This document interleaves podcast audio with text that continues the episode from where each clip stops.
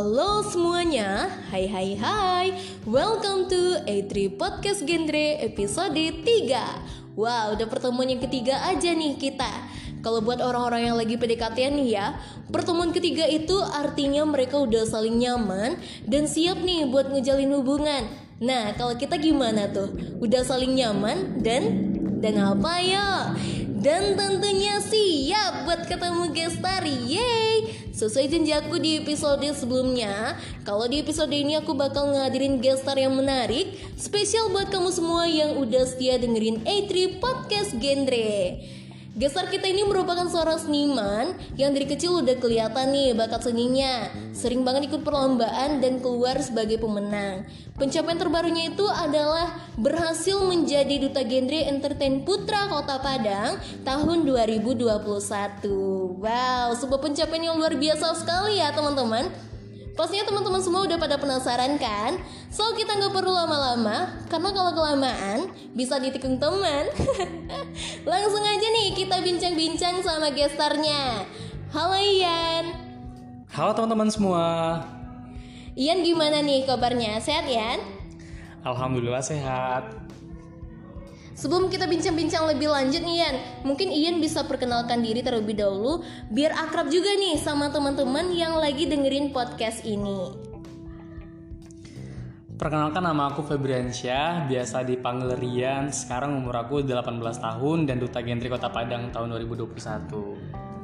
Nah, for your information juga nih teman-teman, Yan ini merupakan Pak Lu Duta Genre Kota Padang tahun 2021. Keren banget nih Yan, berani mengambil tanggung jawab yang cukup besar dan gak semua orang berani untuk itu. Nah, Ian aku mau tanya-tanya juga nih. Ian menyadari kalau memiliki jiwa seni khususnya di bidang tari itu sejak umur berapa Yan? Dan gimana awal ceritanya sampai menyadari wah ternyata aku punya jiwa seni nih gitu. Oke aku tuh mulai nari umur 5 tahun.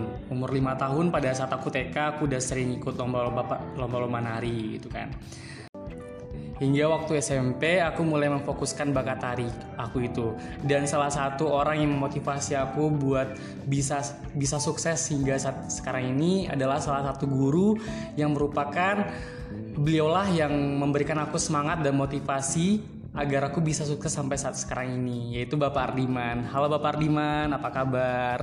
Wow, udah dari SMP ya.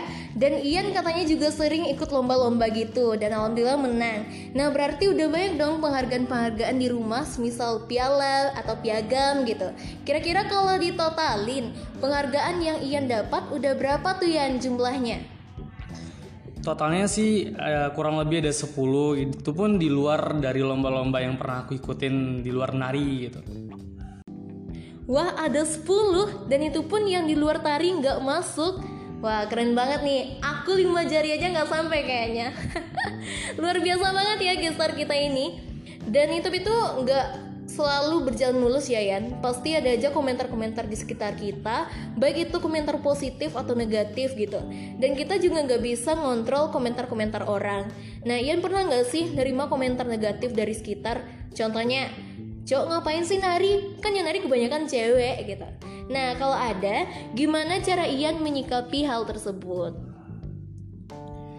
Bagi aku itu banyak sih teman-teman yang sering memberikan komentar-komentar negatif. Tapi aku motivasi diri aku dengan jangan dengerin mereka yang ngejatuhin semangat kita. Tetap latihan.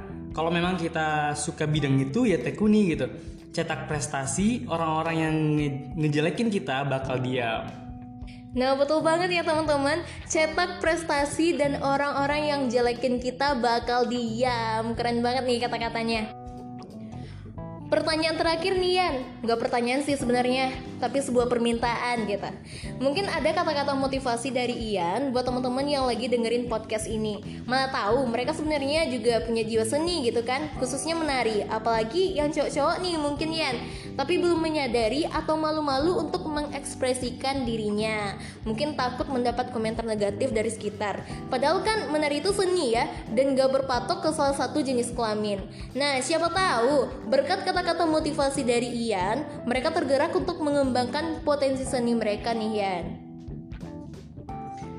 Oke, buat teman-teman di luar sana yang masih remaja, yang masih ingin menunjukkan jati diri sebenarnya, teman-teman semua jangan ragu untuk mengembangkan potensi yang teman-teman miliki Teman-teman yakinlah bahwa potensi yang teman-teman miliki itu bisa membuat teman-teman menjadi orang yang sukses di masa yang akan datang. Satu pesan dari aku, hidup dengan ilmu itu mudah, hidup dengan seni itu lebih indah. Hidup dengan ilmu itu mudah, hidup dengan seni itu indah. Wah, keren banget ya gestar kita. Emang gak salah pilih sih ini. Gimana teman-teman? Puas nggak? Puas dong. Makasih ya Ian udah nyempatin hadir di podcast kita. Padahal aslinya Ian ini sibuk banget loh, tapi mau meluangkan waktunya demi teman-teman yang udah setia dengerin A3 Podcast Genre. Wow. Kalau gitu, episode 3 bincang-bincang seni bareng gestar perjalanan seorang seniman kita akhiri sampai di sini. Tetap setia ya nungguin episode selanjutnya. Sampai jumpa dan see you.